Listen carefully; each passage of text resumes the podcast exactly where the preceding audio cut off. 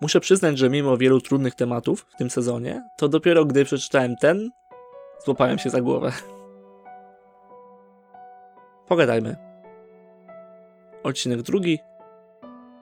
Liturgika i jej teologia. Dlaczego? Może ktoś zapyta.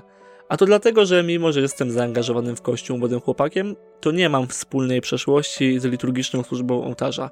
Czyli mówiąc po ludzku, nie jestem ani ceremoniarzem, ani lektorem, a nawet nigdy nie byłem ministrantem. Więc jak nie trudno się domyślić, moja wiedza i terminologia stricte liturgiczna jest dość ograniczona w porównaniu z przeciętnym Elesowiczem. Więc oczywiście spędziłem dnie i noce czytając o WMR, poszczególne prefacje w Mszale Rzymskim i kilkanaście książek o tej tematyce autorstwa Benedykta XVI. Tak naprawdę to nie. Jeśli by tak było, dostałbyś ten odcinek za dobrych parę lat. Jednak gdy się tak zastanawiałem, to chyba nawet dobrze, że nie mam takiej wiedzy, skoro będę miał spojrzenie na te kwestie jak przeciętny, nie LS-owy człowiek w kościele.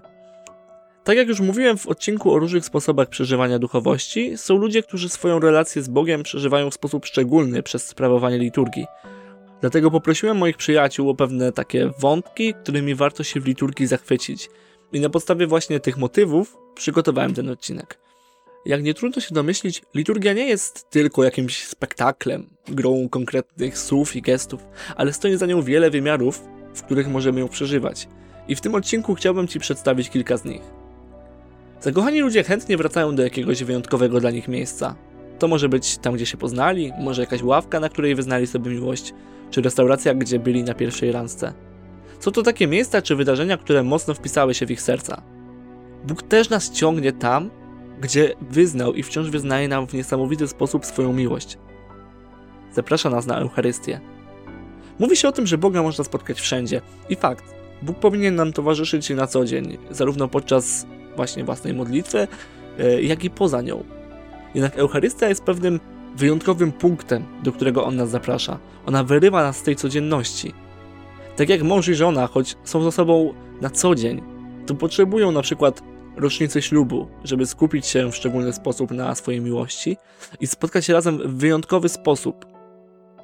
I do tak wyjątkowego spotkania zaprasza nas Bóg, żeby zatrzymać się i skupić tylko na tej relacji. On mówi: Wspomnij ten dzień, w którym Cię wykupiłem, żeby zmartwychwstać. Eucharystia to oczywiście nie tylko wspomnienie czegoś, co stało się 2000 lat temu, ale realne uobecnienie tych wydarzeń.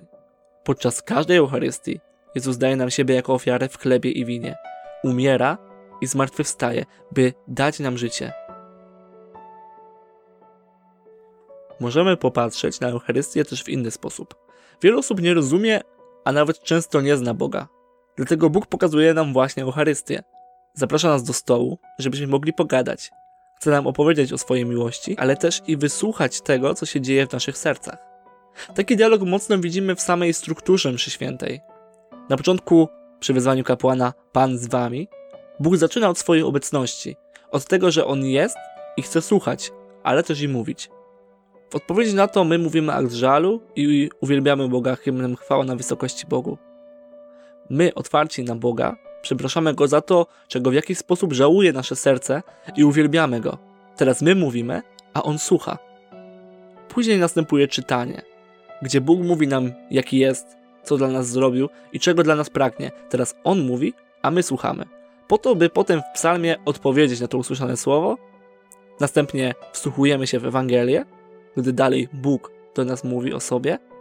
Potem my prosimy w modlitwie wiernych o to, co zajmuje w jakiś sposób nasze serce, po czym przynosimy chleb i wino, by później Bóg przemienił je w ciało i krew Jezusa i uobecnił Jego śmierć, najwyższy akt miłości w historii świata. Po czym z naszej strony następuje modlitwa zachwytu i uwielbienie za te wielkie rzeczy, jakie Bóg dla nas zrobił. I cały ten dialog miłości kończy się zjednoczeniem z Nim poprzez Komunię Świętą. Gdy przygotowywałem się do tego odcinka, do ankiety doszło jeszcze jedno zgłoszenie w tej tematyce i pomyślałem, że warto je dodać. Brzmi ono tak. Piękno i bogactwo w liturgii. Obraz Boga. Proponuję taki temat, żeby wytłumaczyć, że święta liturgia nie jest jakimś balem przebierańców czy przepychem, tylko prawdziwą ofiarą naszego Pana. A co za tym idzie, szaty czy naczynia liturgiczne powinny być jak najgodniejsze Boga. Całkowicie godne nigdy nie będą. i przez swoje szlachetne piękno powinny wyrażać niezmierzone piękno Boga. I tak, trzeba zauważyć, jak wyjątkową rzeczywistością jest Eucharystia. To jest miejsce, w którym ten wielki, odwieczny, nieskończony, wszechmocny Bóg przychodzi do nas i to w postaci zwykłego chleba i wina, jako ktoś nam bliski. Więc też to wszystko, co dzieje się w najbliższym kontakcie, powinno być jak najlepsze, jak najdoskonalsze. I to jest raczej oczywiste. Wiele osób uważa też, że ten temat dotyczy całych świątyń, stąd choćby tak wiele zdobień w kościołach barakowych, co jest już osobnym, złożonym, ale też po prostu bardziej subiektywnym tematem. Bo jednym to pomaga w lepszym przeżyciu Eucharystii, innym, w tym powiem szczerze też i mnie, no nieszczególnie, a czasem nawet bardziej przeszkadza. Jedno co jest pewne to to, że godność miejsca musi zostać zachowana, a kwestia wystroju jest bardziej subiektywna. Taką rozbieżność widać na przykład w Krakowie pomiędzy skromnym kościołem kapucynów, a bardzo zdobną bazyliką franciszkanów.